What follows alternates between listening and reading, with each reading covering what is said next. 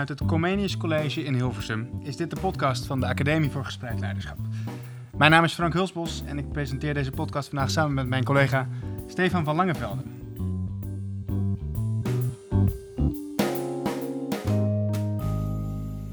Stefan en ik zijn vandaag te gast bij Sean Keller. En welkom Sean. Dankjewel. Sean is uh, docent klassieke talen op het Comenius College. En ik heb hem eind vorig jaar ontmoet tijdens een studiedag van de school. Dat was een hele leuke samenwerking die wij toen hadden. En Sean is, um, naast zijn eigen lessen natuurlijk als uh, klassieke docent, een van de initiatiefnemers van een belangrijke ontwikkeling die binnen de school uh, plaatsvindt. En daar gaan we het vandaag uitgebreid over hebben. Uh, Sean, voordat we dat doen, zou je kort iets kunnen zeggen over welke ontwikkelingen er binnen het Comenius precies plaatsvindt en wat jouw rol daar precies uh, in is? Ja, natuurlijk. Uh, allereerst, jullie zijn te gast hier bij mij op school, maar uh, Stefan en Frank, bedankt dat ik ook bij jullie ja. in de podcast te gast mag zijn. Um, ik zal wat vertellen over, over de, de ontwikkeling waarin het Comenius College zich nu bevindt. Um, wij hebben vorig jaar een organisatiestructuurverandering gehad, waarbij we van kleinere uh, teams naar grotere sectoren zijn gegaan. En uh, de school heeft eigenlijk die, die uh, verandering aangegrepen om ook te gaan kijken van hoe kunnen we nou ervoor zorgen dat mensen die normaal gesproken voor de klas staan, zoals ik, meer hun invloed kunnen laten gelden op dingen die eigenlijk hun vak of hun klaslokaal overstijgen. Ja. En daarin nou ja, ben ik een beetje boven komen drijven, uh, omdat ik dat interessante materie vind en leuk vind om te doen. En ik probeer die ontwikkeling waarbij de schoolleiding aan de ene kant ruimte geeft voor initiatieven en, en, en ruimte geeft om nou ja, aan de slag te gaan met dingen, met mooie ideeën van mensen. En aan de andere kant ook de, die mensen die die mooie ideeën hebben ook aan te sporen om, die te, om daar wat mee te gaan doen. Uh, dat, dat monitor ik en dat probeer ik te begeleiden en, en, en te stimuleren. Ja, super. Nou, dat gaat ons als uh, uh, initiatiefnemers van de Academie voor Gespreid Leiderschap, hè, waarbij het om, er helemaal om gaat dat je als docent ook ruimte krijgt en probeert te pakken om buiten je les ook invloed uit te oefenen op thema's die voor jou belangrijk zijn of waar je interesse in hebt, gaat dat natuurlijk ons helemaal aan het hart. Dus we vinden het superleuk om daar vandaag met jou uitgebreid over te spreken. Jullie staan een beetje aan het begin van het proces, hè, zou je ja. kunnen zeggen. Of nou ja, ieder proces loopt, heeft natuurlijk een lange geschiedenis, maar jullie zijn eigenlijk uh, pas een aantal maanden bezig om deze ambities echt concreet in de praktijk te brengen. Dus we gaan eigenlijk een soort startgesprek met jou voeren over waar staan jullie, waar komen jullie vandaan en welke ambities hebben jullie nou precies. Gaan we zo uitgebreid doen. Sean, hartstikke leuk om dat met jou te doen. Maar voordat we daarop ingaan, Stefan, even een, ja, zou kunnen zeggen, een huishoudelijke mededeling over onze podcastserie zelf. Hè? Want um, wij willen met onze podcast eigenlijk verschillende dingen gaan doen. We willen eigenlijk verschillende soorten podcasts gaan maken. Ja, Drie klopt. verschillende soorten. Zou je kunnen vertellen aan de luisteraars welke dat zijn? Ja, ja we zijn natuurlijk uh, vorig jaar november gestart met de podcast. En de eerste aflevering was met Jozef Kessels. En Jozef Kessels is een mooi voorbeeld van een echte expert, een uh, academicus op het uh, thema gespreid leiderschap. En dat is direct ook de eerste vorm van podcast die we graag willen maken. Experts waar we mee in gesprek gaan over de onderwerpen die hem bezighoudt. En met name in het licht van gespreid leiderschap natuurlijk. Een soort theoretische beschouwing zou je kunnen zeggen in een één op één gesprek met een expert op een bepaald ja. onderwerp. Ja, Oké. Okay. En de tweede? De tweede is dat uh, uh, nou, jij en ik houden ons nadrukkelijk bezig met dit thema. En ehm, kunnen we ook gebruiken om in twee gesprekken te doen tussen ons, waarin we eigenlijk gewoon de actualiteit of een boek bespreken. In ieder geval dat wat ons op dit moment bezighoudt rondom gespreid leiderschap, de inzichten die we opdoen. En binnenkort willen we graag een aflevering maken over een onderzoek wat met, uh, met jij hebt gedaan, Frank. Uh, samen met de VO-academie rondom schoolleiders die samen leren met docenten in de school. Oké. Okay. Um, en de derde vorm is uh, praktijkcasussen in scholen van docenten, schoolleiders die daarmee bezig zijn. En daar is dit met het gesprek met Sean. Een mooi, mooi voorbeeld van. Oké, okay, dus dat, dat, dat, die laatste categorie gaan we vandaag eigenlijk doen met ja. Sean. Dus we hebben theoretische beschouwingen met experts. Uh, we hebben ja, zeg maar Stefan en Frank in een tweegesprek over een onderwerp wat ons bezighoudt. En we hebben praktijkcasussen met leraren of schoolleiders die met iets gaas bezig zijn in hun ja. school. En uh, Sean is daar dus eigenlijk de eerste gast in. Uh, en we gaan ook, Sean, met jou... dit is ons eerste gesprek, maar we willen er eigenlijk een serie van maken. Hè? Want uh, zo'n ontwikkeling waar jullie als school mee bezig zijn en jouw rol daarin. Jullie staan nu aan, het, aan de start eigenlijk van het proces, maar Er gaan natuurlijk allerlei dingen gebeuren de komende tijd. Dus we zouden het heel leuk vinden om nog een keer bij je terug te komen. Misschien wel een aantal keer bij Ja. je terug te komen om te kijken van welke stappen hebben jullie als school nu gezet. Dus we gaan jou eigenlijk nog vaker horen dan alleen vandaag. Mooi. Ja, nee, ik, denk, ik denk dat dat heel... eh, niet dat het nou per se zo leuk is om mij te horen... maar ik denk dat het wel verstandig is, omdat de fase waarin onze school zich nu bevindt... en de activiteiten die- die, die we daarvoor nu ontplooien... eh, die zullen denk ik van een andere aard zijn dan eh, komend oktober... Ja. eh, als, we, als we toch weer verder zijn met deze ontwikkeling. Ja, dus precies. ik vind het ook heel leuk... ehm, dat, dat jullie het Comenius College interessant genoeg vinden om, om in dat opzicht te volgen. Ja, laten we er uiteraard op ingaan. Je vertelde net al van jullie hebben een, eigenlijk een organisatieverandering, meer een structuurwijziging doorgemaakt. Hè, van kleinere teams naar sectoren. De sectoren die binnen jullie school er nu zijn, zijn. Dat is de, Drie sectoren? Ja, de MAVO-sector, de HAVO-sector en de VWO-sector. Ja. Dus de drie opleidingsniveaus die onze school eh, aanbiedt.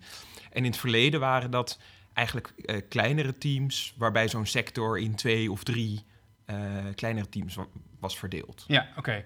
En dus je bent als docent ben je onderdeel van een van de drie sectoren. En op basis waarvan ben je dan onderdeel van de MAVO, HAVO of VWO-sector? Want ik kan me voorstellen dat er ook docenten zijn die bij verschillende sectoren Ja. lesgeven. Nou, je, hebt, je hebt denk ik een heel aantal docenten dat eh, zowel op de MAVO als de HAVO als het VWO eh, Ja, lesgeeft. In precies. principe worden die eh, verdelingen meestal gemaakt op basis van het mentoraat dat je als docent voert. Dus als je een mentor bent Ja. van een HAVO-klas, Dan dan, kom je zul je waarschijnlijk in de HAVO-sector.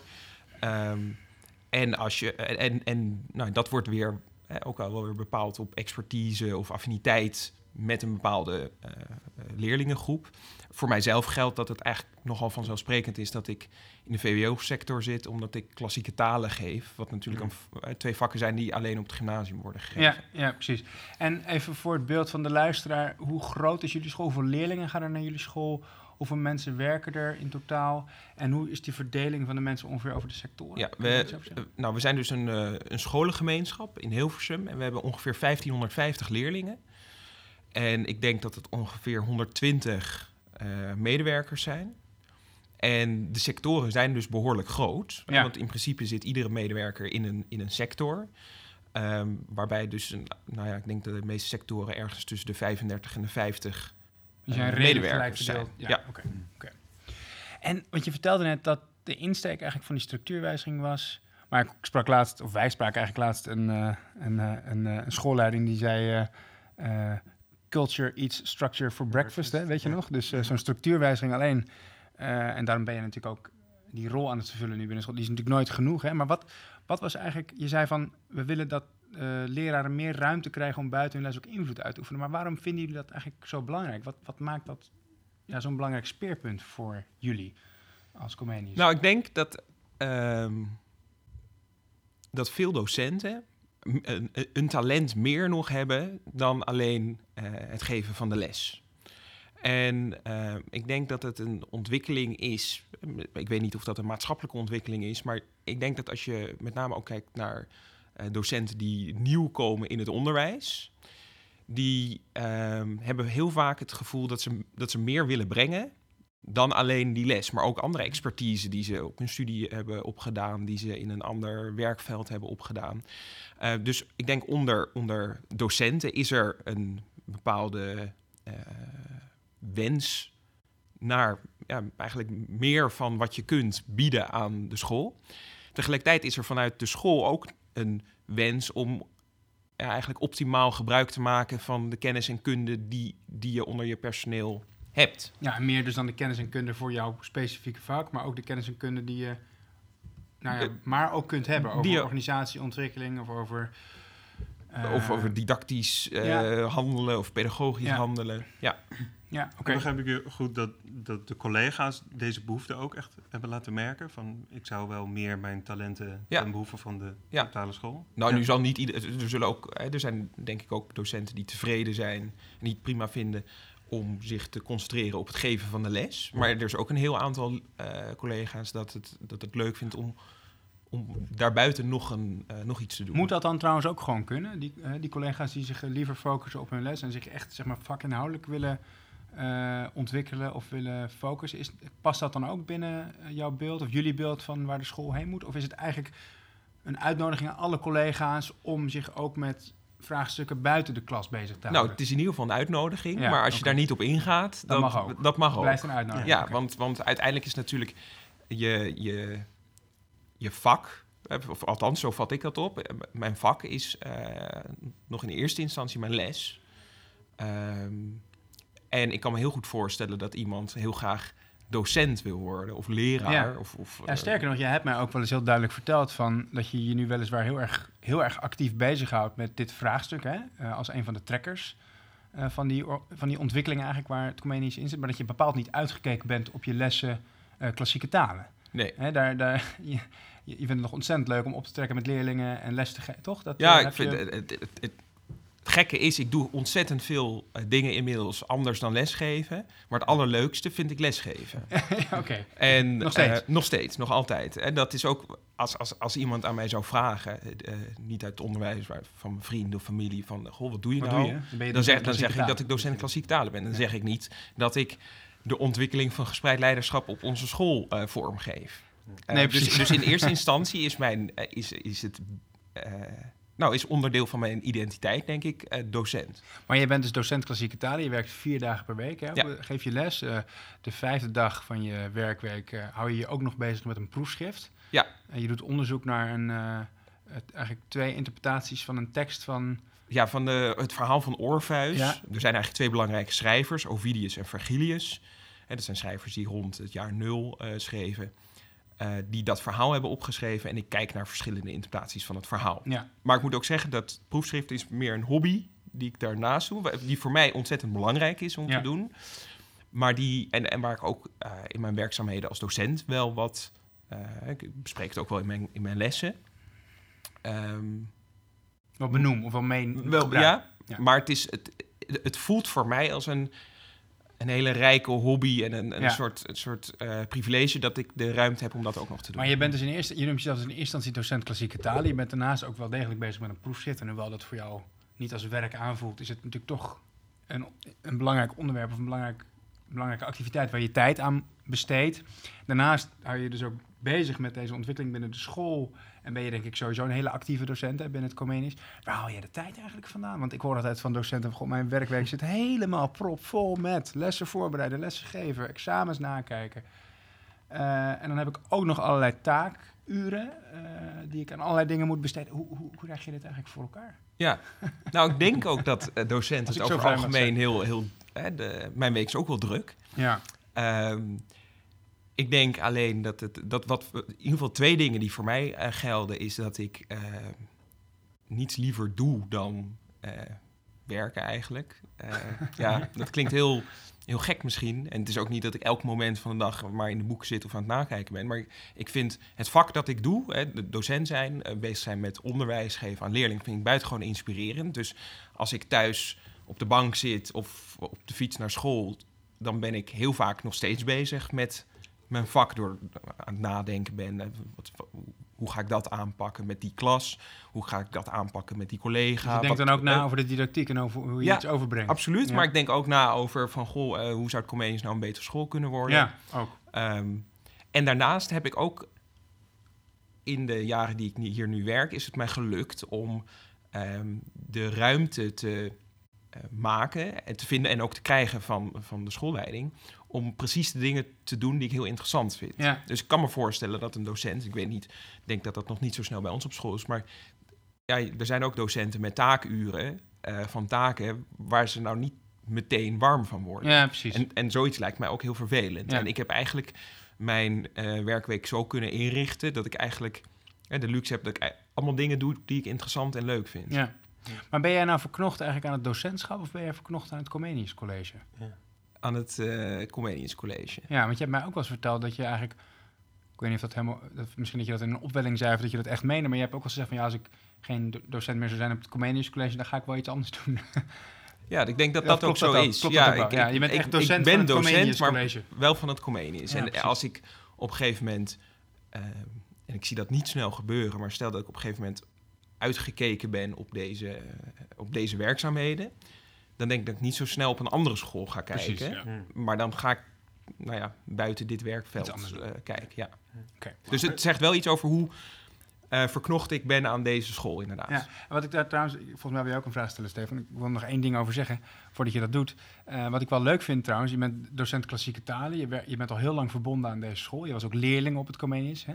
Maar je hebt tegelijkertijd een hele verfrissende blik nog op de werkelijkheid. Eh, ik heb niet het idee dat je ehm, je helemaal schikt, zou ik maar zeggen, naar hoe de dingen gaan. Hè? Het feit alleen al dat je je dus bezighoudt met zo'n organisatieontwikkeling, waar jullie nu in staan, dat laat al zien dat je heel erg op zoek bent naar, goh, hoe zouden we het binnen deze school Ja. weer anders kunnen doen? Hoe, is het eigenlijk gelukt om die ja, open blik te behouden in een context waar je al zo lang aan verbonden bent? Dat lijkt me ook soms, dat lijkt me juist ook lastig, of niet? Of Ja. is dat het voor jou niet? Nou, ik denk dat... ik ben lang verbonden aan school. Maar als leerling is het toch wel compleet Echt anders. anders. Ja, ja, Hè, goed, de-. Ik had als leerling een heel duidelijk beeld van de school. En dat klopte ook als leerling. En zodra ik... Ik ben, ik ben, eh, klassieke talen gaan studeren. Maar al vrij snel werd ik eh, teruggevraagd hier op school... om in eerste instantie invallessen te geven. Maar al vrij snel daarna had ik, eh, had ik mijn eigen klasse. En toen zag ik... En dat was een, nogal een verrassing voor mij in de tijd... dat het Comenius toch iets... als docent, dat dat een heel andere werkomgeving is dan als leerling. Dus Ja. de, de jaren die ik als leerling heb hier heb meegemaakt, die zijn wel heel vruchtbaar geweest. Omdat ik denk en probeer nog wel eens een leerlingsperspectief aan te nemen. Omdat ik denk van, goh, maar hoe, hoe vond ik dat dan vroeger toen ik hier zat? Of hoe was dat vroeger toen ik hier zat? Ehm, maar het heeft niet eh, hindernissen opgeworpen omdat je al in een bepaald patroon Nee, bent gesleten. Ja. Ja, want waar ik nieuwsgierig naar ben, is je vertelt eigenlijk over die enorme bevlogenheid voor je vak. En dat is ook de reden waarom je ook weer, weer terug bent gekomen. En tegelijk vind je dus zoveel tijd, maar vooral ook energie om je zo bezig te houden met het Comenius College. Want je zegt het Comenius College is eigenlijk, je bent docent van het Comenius. Wat is je dan je drijfveer om je ook zo met de school bezig te houden? Als je zegt zo'n vakidioot te zijn, toch wil je je ook zo graag met de school bezighouden.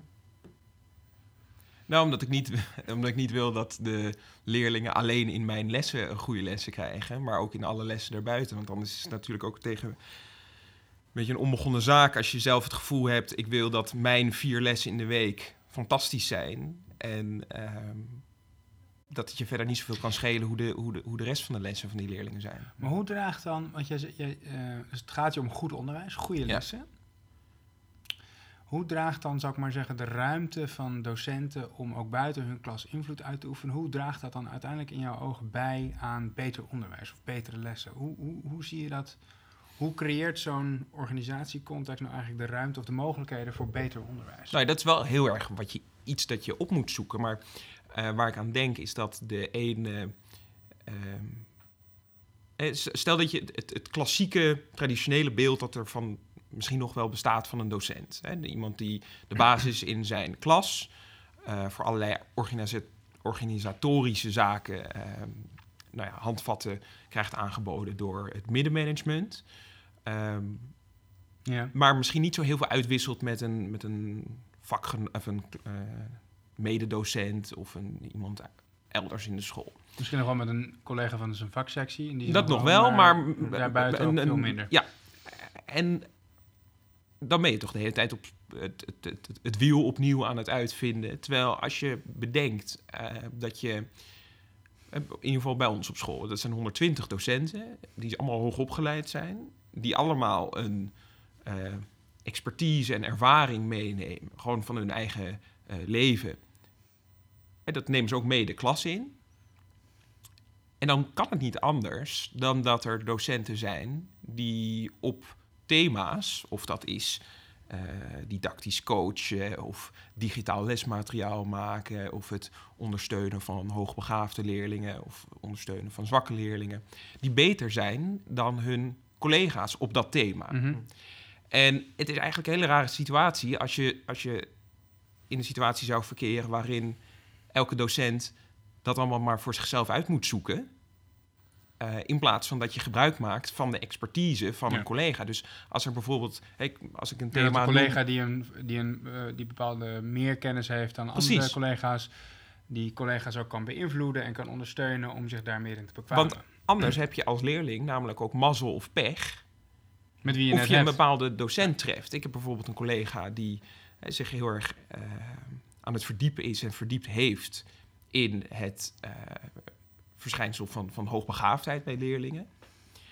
Uh, dat is iets waar ik zelf niet zo heel veel uh, kennis over heb. Nou ja, dan zou je kunnen zeggen, dan heb je toch pech als hoogbegaafde leerling. Je komt in mijn klas. Ja, dan kan ik daar niet zoveel mee. Ja.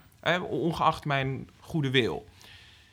Um, en als ik, als je van mijn collega op dat onderwerp een soort expert maakt of een teacher leader en die mij helpt hoe, hoe ik zo'n leerling het beste onderwijs kan geven, dan heeft zo'n leerling daar uiteindelijk het, het meest aan. Maar daarvoor moet je die, die persoon met die expertise of die interesse wel de ruimte geven om dat verder te verkennen en om daar ook uh, een, een, een, uh, een rol voor collega's, een, een rol voor collega's te Maar dan is eigenlijk het ultieme doel, zou je kunnen zeggen, van waar jullie mee bezig zijn. Of, voor, waar, of in ieder geval jouw ultieme doel, van wat we nu van jou horen, is dat uh, de leeromgeving voor leerlingen zo rijk en zo krachtig mogelijk wordt in alle opzichten, zowel in de didactiek als in de vakinhoud.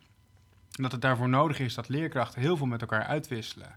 En dat leerkrachten met een kennisvoorsprong of met een hele specifieke belangstelling voor een bepaald onderwerp of voor een bepaalde methode of voor een bepaalde aanpak, dat die de ruimte krijgen om collega's ook te beïnvloeden, zichzelf ook te bekwamen om daar meer van te weten.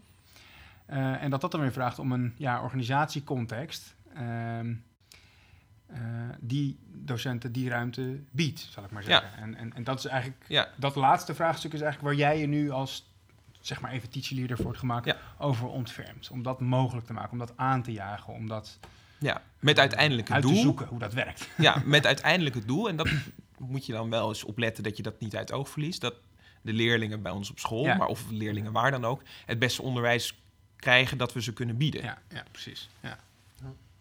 Want waar komen jullie dan eigenlijk vandaan? Hè? Want dit is, nu, dit is nu dus een onderwerp en een, en een ambitie die voor jou en voor jouw collega's belangrijk is. Maar waar werd dat door aangewakkerd? Wat ging er misschien niet zo goed over? Waren jullie misschien minder tevreden over um, uit het verleden? Of uh, waar het Comenius vandaan komt, waardoor dit onderwerp zich heeft opgedrongen, ja. ik maar zeggen? Nou, ik denk niet dat er een directe uh, aanleiding is geweest om het nou over een andere boeg te gooien. En sterker nog, jullie deden het op een aantal punten heel goed. Ja. Jullie waren uh, excellent uh, tot voor kort op alle drie de afdelingen. Ja. Nu, nu, nog op één afdeling ja. in ieder geval. Dus dat zijn natuurlijk hele mooie uh, examenresultaten zijn goed zijn, volgens zijn mij. Worden, er, gaan, er gaan heel veel dingen heel goed. Ja, het is een prettige... Ik ben hier een paar keer te gast geweest. Het is een hele fijne, collegiale sfeer. Ook als buitenstaander word je heel warm ontvangen. Ik kan me voorstellen dat het voor collega's fijn is om hier te werken. Dat gaat allemaal goed ja. zou je kunnen zeggen. Ja, en, en tegelijkertijd is er dus ook, denk ik, een soort... Um, ja, hoe je dat moet... Ik weet niet precies hoe je dat moet noemen, maar een soort volwassenwording van de capaciteiten van de, van de docent. Ik denk dat er lang in het... Uh, hoe er over onderwijs wordt gesproken, is een docent is iemand die lesgeeft in een lokaal. Um, en denk dat het een ontwikkeling is die ook meer uh, breed in Nederland speelt. Dat de docent steeds serieuzer wordt genomen als een onderwijsprofessional, noem ik het maar even. Hè, die, die meer doet dan uh, enkel en uitsluitend zijn lessen geven. En bij ons op school is, dat, is dat inzicht ook steeds meer heeft zich steeds meer gemanifesteerd. En dat had er ook wel mee te maken dat Um, zolang ik het Comedians al ken als, als uh, docent, dus dat is nu uh, een jaar of negen, was er altijd heel veel um, ruimte voor het ontplooien van initiatieven van docenten. Wat je wel ziet, is dat dat vaak dezelfde docenten zijn die mm -hmm. dat doen. Um, terwijl je ook, uh, als ik daar dan zelf over nadenk, denk ik, maar er moeten ook andere mensen zijn die wel eens bij zichzelf op de fiets naar huis denken Goh, zouden, zouden dat en dat niet, niet anders moeten doen? Ja. Nou, daar was altijd wel ruimte voor, dus dan ontplooi je dat.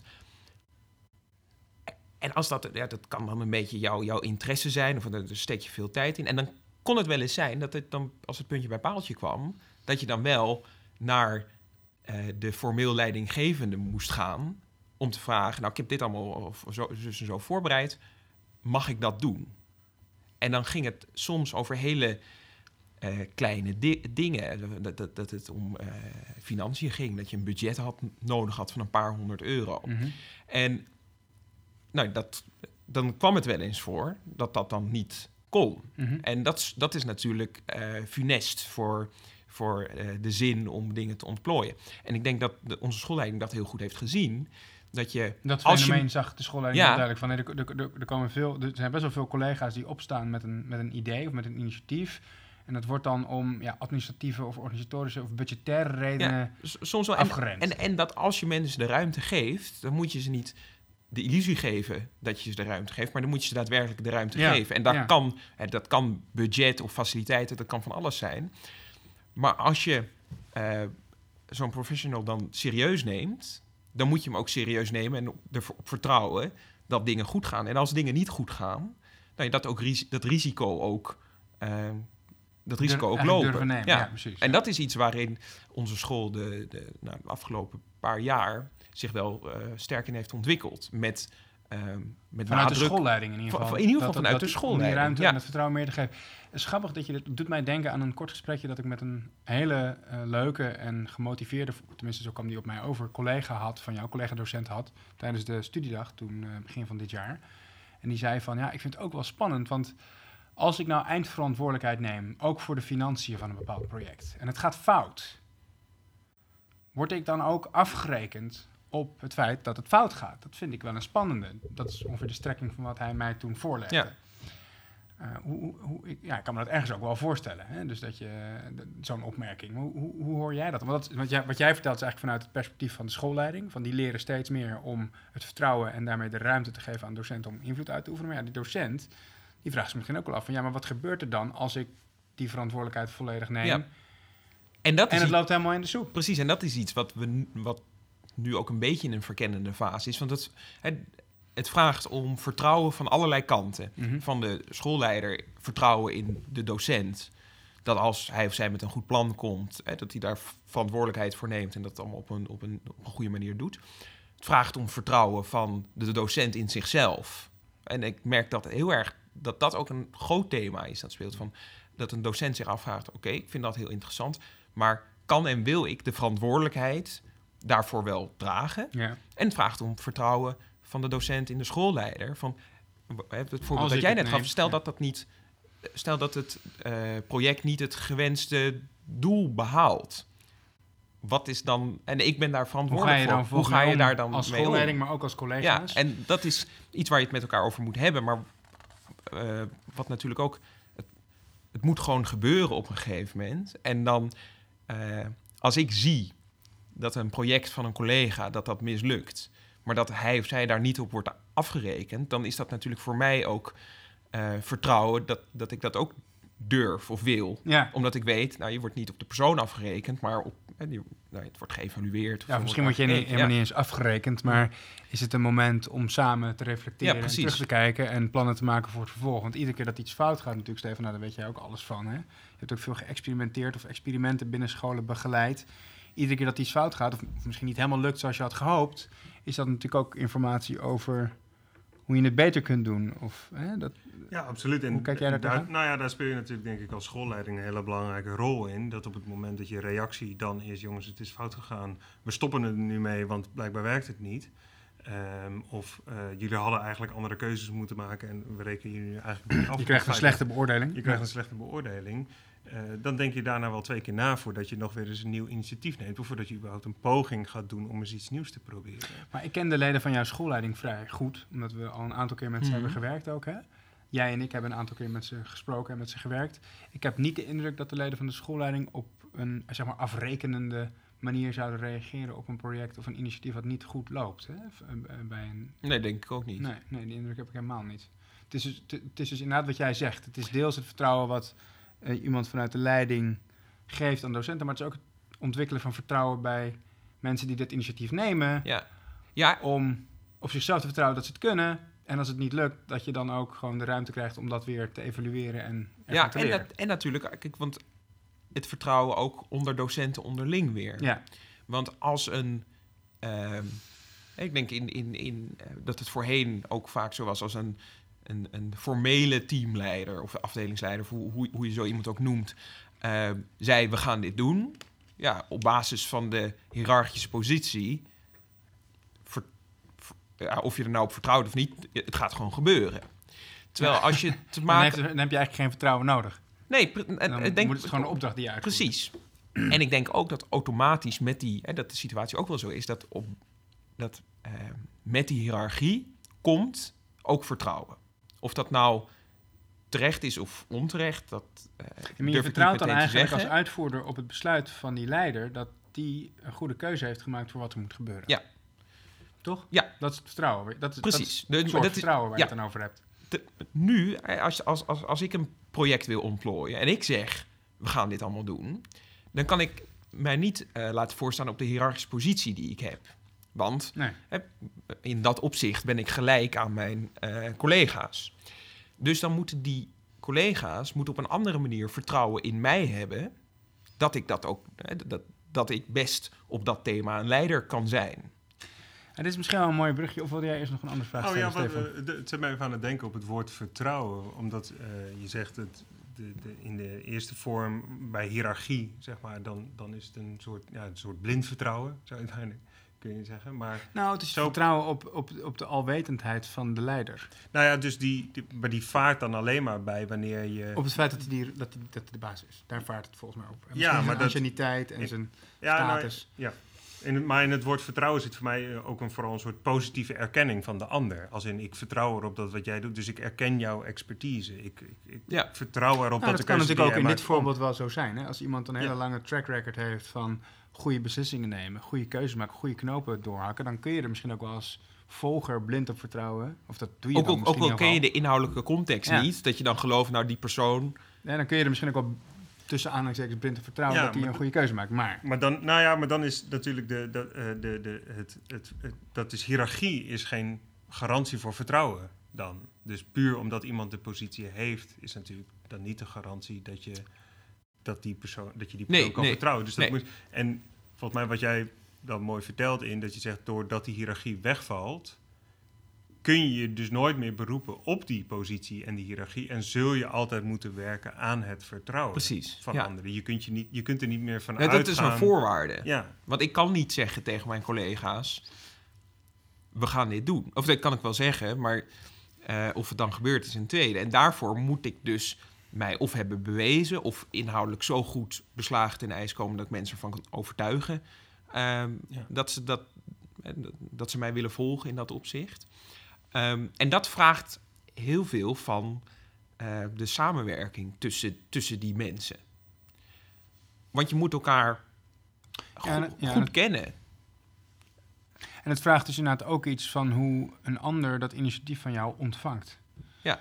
Het is niet alleen maar, het is deels jouw, de mate waarin jij beslagen ten ijs komt. En eh, de mate waarin je je voorbereidt en de mate waarin je iets goed toelicht of een proces goed begeleidt. eh, wat er ook bij komt kijken. Ik heb jou bijvoorbeeld eh, de studiedag zien organiseren, waar we het nu al twee keer over, die ik al twee keer heb genoemd.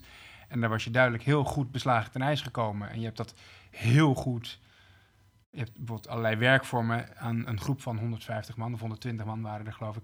Constant heel goed uitgelegd en heel goed eh, met eh, de mensen die stappen doorlopen, waardoor het heel, zowel in het proces als in de inhoud, heel soepel verliep. Nou, dat is natuurlijk, dat zijn natuurlijk allemaal voorwaarden of gedragingen waardoor jij vertrouwen kweekt bij de mensen. Maar tegelijkertijd, de ontvangst van de mensen is daarbij ook belangrijk. Hè? Dus dat mensen eh, eh, jou ook willen volgen, Ja. ondanks dat je geen formele leider Ja. bent. En het jou ook gunnen dat je die rol vervult.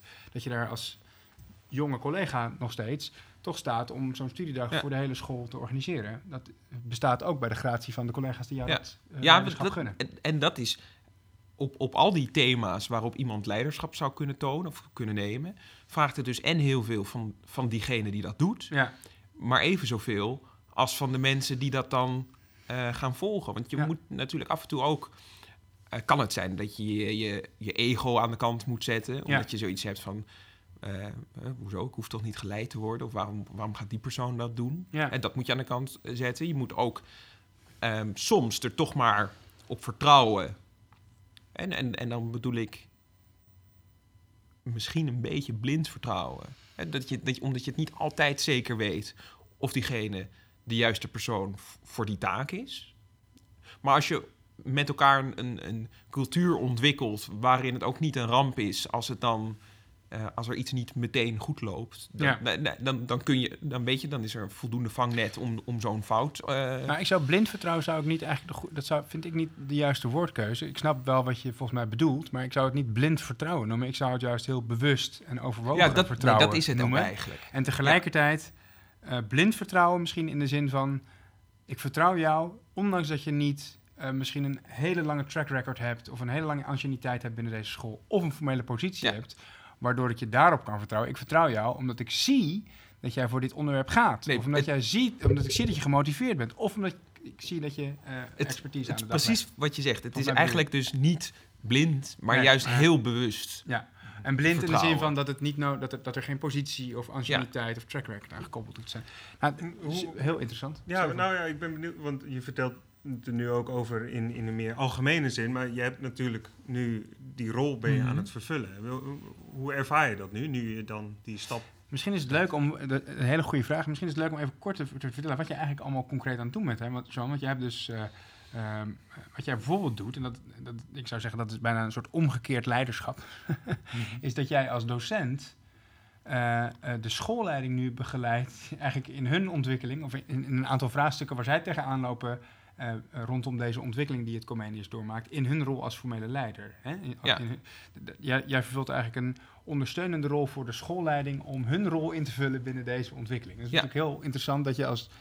Meestal is het andersom, hè? Dat, is, dat de Ja. schoolleider het leren van de docent ondersteunt. Hè? Dus natuurlijk, dat weten we, hebben wij veel over gelezen, Stefan. eh, heel veel onderzoek, gedaan naar, onderzoek gedaan naar transformationeel leiderschap bijvoorbeeld. Hè? De schoolleider die het leren van de docent ondersteunt. En hier zien we eigenlijk dat Sean als docent eh, de schoolleiding ondersteunt in een aantal leervraagstukken waar zij tegenaan lopen. Ehm, maar je bent bijvoorbeeld ook trekker van een werkgroep die zich bezighoudt met het ontwikkelen van een nieuwe schoolvisie. Ja. Hè? Het herformuleren van Ja. de visie. Nou, m- m- mag, mag ik daar iets over zeggen? Dan- dan, kan ik het misschien wat concreter maken.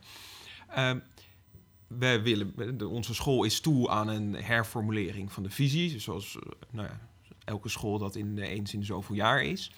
Ehm, en ik denk dat dat ook op veel scholen toch het geval zal zijn dat zo'n visie en een missie wordt opgesteld door de schoolleiding of het managementteam of een aantal mensen die daarvoor zijn uitgekozen, omdat eh, ze, men denkt van nou, die, die, die, die weten daar het een en ander over. Ehm, en wij hebben dat eigenlijk anders willen doen. Wij hebben gezegd, we hebben die drie sectoren, de MAVO, HAVO en VWO-sector. En we willen eigenlijk met mensen uit die verschillende sectoren gaan praten over hoe, eh, wat, wat moet er veranderd worden aan de visie, aan, aan de formulering van die visie. Ehm, en dan is het zo dat als je aan zo'n sector zou vragen van, goh, wie vindt het leuk om dat te gaan doen? Dan zijn er gelukkig altijd mensen die, eh, die dat willen. Maar je zult denk ik ook zien, als je, als je langer op zo'n school rondloopt, dat het vaak dezelfde mensen zijn. En dat is helemaal niet erg. Dat is ook te prijzen dat ze dat willen. Eh, maar er zijn ook mensen waarvan je, waar- waarvan je informeel weet dat ze er wel wat van vinden. Of dat Ja. ze het wel interessant vinden. Maar om een reden eh, voelen ze zich dan niet voldoende uitgenodigd of, of, of comfortabel om daar Ja, eh, comfortabel. eh, publiekelijk te zeggen, nou dat wil ik wel. Ehm, Dit is overigens een vraagstuk, Jean, dat je nu omschrijft, wat ik op heel erg veel school- scholen terughoor. Dus ehm, het zijn altijd dezelfde, het zijn altijd de usual suspects. En daar zijn we heel blij mee overigens, dat die mensen telkens opstaan die op allerlei thema's buiten de klas invloed uitnemen. Maar ik weet bijna zeker, zeggen schoolleiders of teamleiders dan tegen ons, dat er ook mensen in mijn team zitten die we niet horen, maar die wel degelijk Ja. hier iets van vinden. Of die wel degelijk hier... Nou, Nou, en dat hebben we nu geprobeerd te ondervangen Ja. door de manier van selecteren van eh, of uitnodigen van mensen om deel te nemen aan een werkgroep die zich daarmee bezighoudt, anders te doen dan normaal. Normaal gesproken, ook bij ons op school twee jaar geleden, werd er gevraagd wie vindt het leuk om daarover mee te denken. Nou, dan hadden een aantal mensen hun vinger opgestoken. Nu hebben we heel precies geformuleerd. Dus we hebben niet gezegd wie wil er meedenken. We hebben heel pre- precies geformuleerd wat het doel van die werkgroep is, hoe de werkzaamheden van die werkgroep eruit zien, hoe, wanneer die bijeenkomsten plaatsvinden, hoe die gefaciliteerd worden. We hebben het zeg maar, helemaal uitgelegd wat de bedoeling is. deel is eigenlijk eh, dat is helemaal door ons. Van, en, En ons is jij en, en, een- en, En- en en dus iemand, iemand van de schoolleiding, ja, ja. de conrector, ja. en eh, dat hebben we gedaan eh, helemaal voorafgaand. Zodat je ook precies wist waar je dan aan mee zou gaan doen. En toen hebben we, eh, hebben we dat gepresenteerd in die, eh, of hebben de sectoren dat zelf gepresenteerd in de sector, dat, dat plan. De sectorleider, de sectorleider heeft dat gepresenteerd aan de docenten binnen hun sector. En gezegd, en nu willen we dat jullie erover na gaan denken. En wie, wie jullie vinden dat hier het meest geschikt voor is binnen je sector. Ja, dat was de vraag eigenlijk aan de docenten. Aan de docenten. En toen hebben we dat met een eh, blinde stemming gedaan. Dat je twee van je collega's, eh, op, op twee van je collega's moest stemmen waarvan jij dacht, hè, die vinden wij daar ehm, geschikt voor. geschikt voor, gegeven Ja. wat hier gevraagd wordt en de expertise die nodig is, denken wij dat deze twee collega's vanuit onze sector afgevaardigd zouden moeten worden om in deze schoolbrede werkgroep over de visie Ja. te stappen. Nou, die stemmen zijn dan geteld en dan kwamen er eh, mensen uit die, eh, die dan meer stemmen hadden dan andere mensen. Die zijn dan vervolgens gevraagd van, goh, hè, willen jullie Eh, dit ook? willen jullie dit ook? Dat is natuurlijk ook een. Vind ik dat die- zulke mensen dat ook voor, als een compliment mogen opvatten. Want daar spreekt dus vertrouwen van Dat hun collega's uit. En wij denken dat jij daar geschikt voor bent. En die hebben vervolgens zitting genomen in die werkgroep. Wat hierbij, eh, wa- waar ik van tevoren nog niet eens aan had gedacht, maar wat een heel leuk, eh, leuke opbrengst daarbij is, is dat je zag dat eh, in die drie sectoren waren er telkens wel nou ja, twee mensen uiteindelijk die dan de meeste stemmen hadden. Maar dat de spreiding van die stemmen eigenlijk vrij breed was. Wat dus volgens mij, of tenminste je kunt het zo interpreteren, dat dat betekent dat het vertrouwen over het algemeen groot is in het kunnen van de hele groep. Ja. En stel dat je zou hebben dat, er, dat alle stemmen op twee personen zijn, ja, dan zijn dat wel heel dan, is dat, dan eh, zijn dat dus gelukkig waarschijnlijk goede mensen. leiders, Maar dan zeg je daarmee eigenlijk ook van andere mensen... nou, we denken niet zo goed dat jullie het kunnen.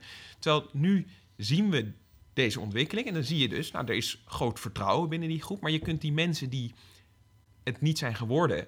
maar wel stemmen hebben gekregen, daar kun je dat aan teruggeven. Ja. Je kunt zeggen van, goh, hè, je bent niet geworden... maar mensen hebben er toch wel vertrouwen in. Je weet ook wie je misschien voor een volgend project Ja. daarvoor kunt vragen. En wat deze ehm, wijze ook vraagt, is dat je je- professioneel in elkaar verdiept. Ja. Hè, wat, wat bij ons, wat op school. ja, en dat je goed nadenkt over wat is er in deze situatie nou precies nodig. Precies, en welke kwaliteiten bezi- bezit, Bezit wie. mijn collega. Ja. precies. En, en met name dat je elkaar.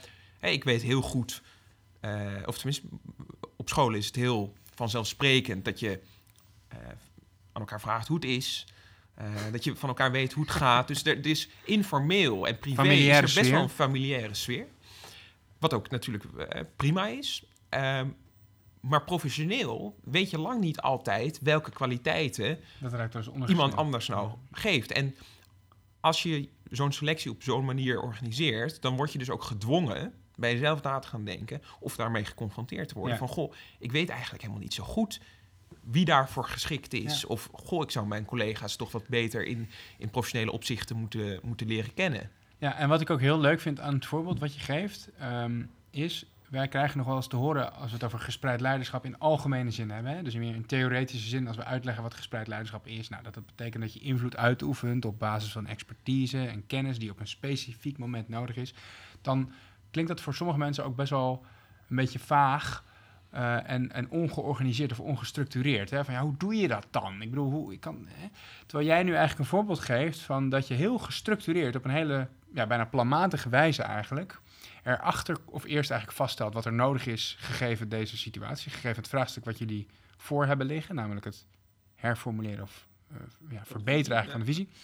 Eh, en dat je vervolgens de collega's heel duidelijk na- laat nadenken over goh, wie zit er nou eigenlijk binnen mijn team. En dat doe je op een hele gestructureerde manier die aan dat profiel voldoet. En zouden we dus het leiderschap gunnen in deze situatie. Dus dat is eigenlijk een hele gestructureerde manier om dat idee van leiderschap gunnen op basis van kennis en expertise in de praktijk te brengen. Ook nog eens een keertje op drie hele grote groepen. Want die drie sectoren bestaan dus uit 35 tot misschien wel 50 mensen.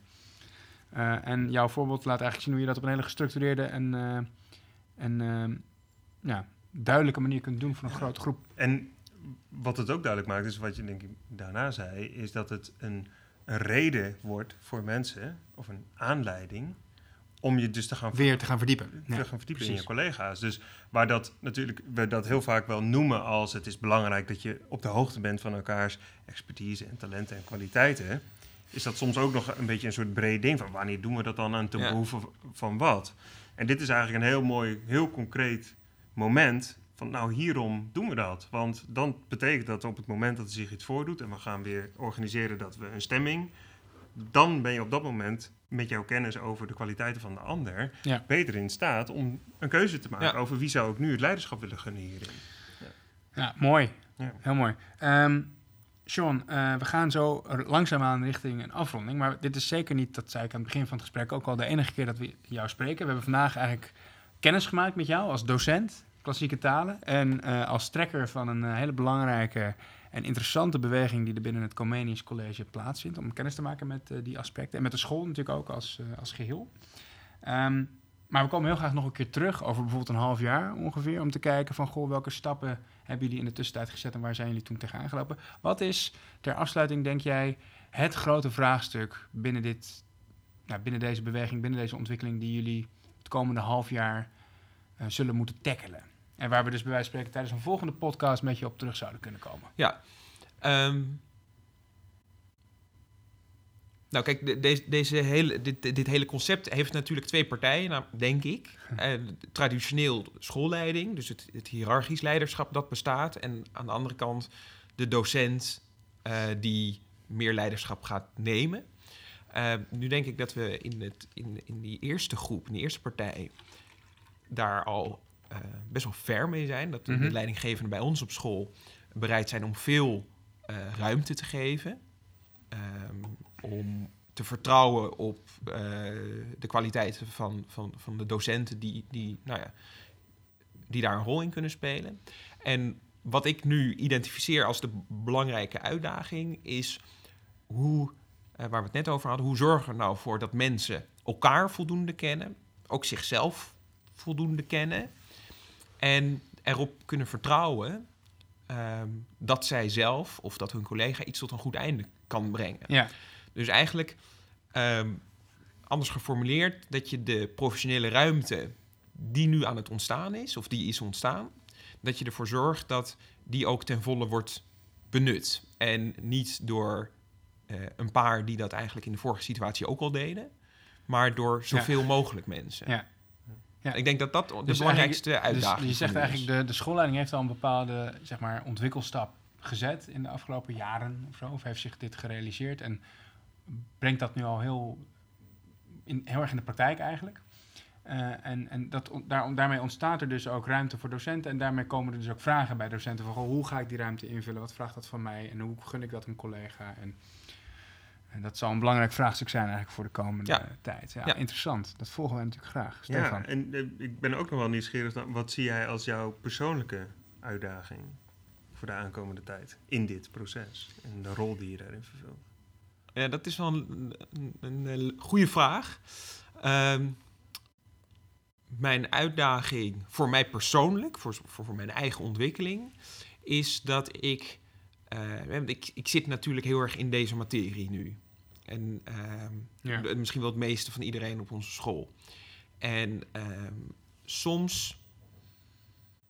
En, en ik heb ook best de zicht op de ontwikkeling bij ons op school. Dus ik zie nu de ruimte die wordt gegeven, die niet ten volle wordt benut. En eh, dat, soms frustreert dat me wel, dat, dat die lege ruimte die er is, dat die niet wordt genomen. Eh, dat die niet wordt ingenomen door mensen. Dus een, een persoonlijke ontwikkeling voor mijzelf is om mij daar niet door te laten frustreren. Ehm, en de rol die ik voor mijzelf zie, is waar ik eh, in de eerste helft van het jaar eigenlijk ook veel, wat, wat Frank al eerder noemde, de schoolleiding heb begeleid in deze ontwikkeling. Dat nu eh, meer bij de, bij de docenten te doen om voorbeelden te geven van hoe je nou op een eh, veilige manier de verantwoordelijkheid kunt nemen waarvan je denkt of waarvan jouw collega's denken eh, dat jij die op je kunt nemen. Ja. Dus het, het vooral het aanmoedigen en stimuleren van mijn collega's om de ontstaande ruimte, om daar ook optimaal gebruik van te gaan maken. Ja, ik weet zeker dat wij nog een keer terug willen komen. Stefan, Dat- dat lijkt niet? me, Want dit is ja. natuurlijk eh, een buitengewoon interessant eh, proces waar Sean en zijn collega's in zitten. Dus we gaan dus ook zeker Sean nog een keer uitnodigen. Hartelijk dank eh, voor deze eerste kennismaking, Sean. Graag gedaan. En, eh, hartelijk dank voor het luisteren. Dit was de tweede aflevering van de podcast van de Academie voor Gespreid Leiderschap. Gepresenteerd door Stefan van Langevelde, mijn collega, en ikzelf, Frank Hulsbos. Vandaag met als speciale gast Sean Keller van het Comenius College. Dankjewel, Sean. Graag gedaan. Jullie ook bedankt.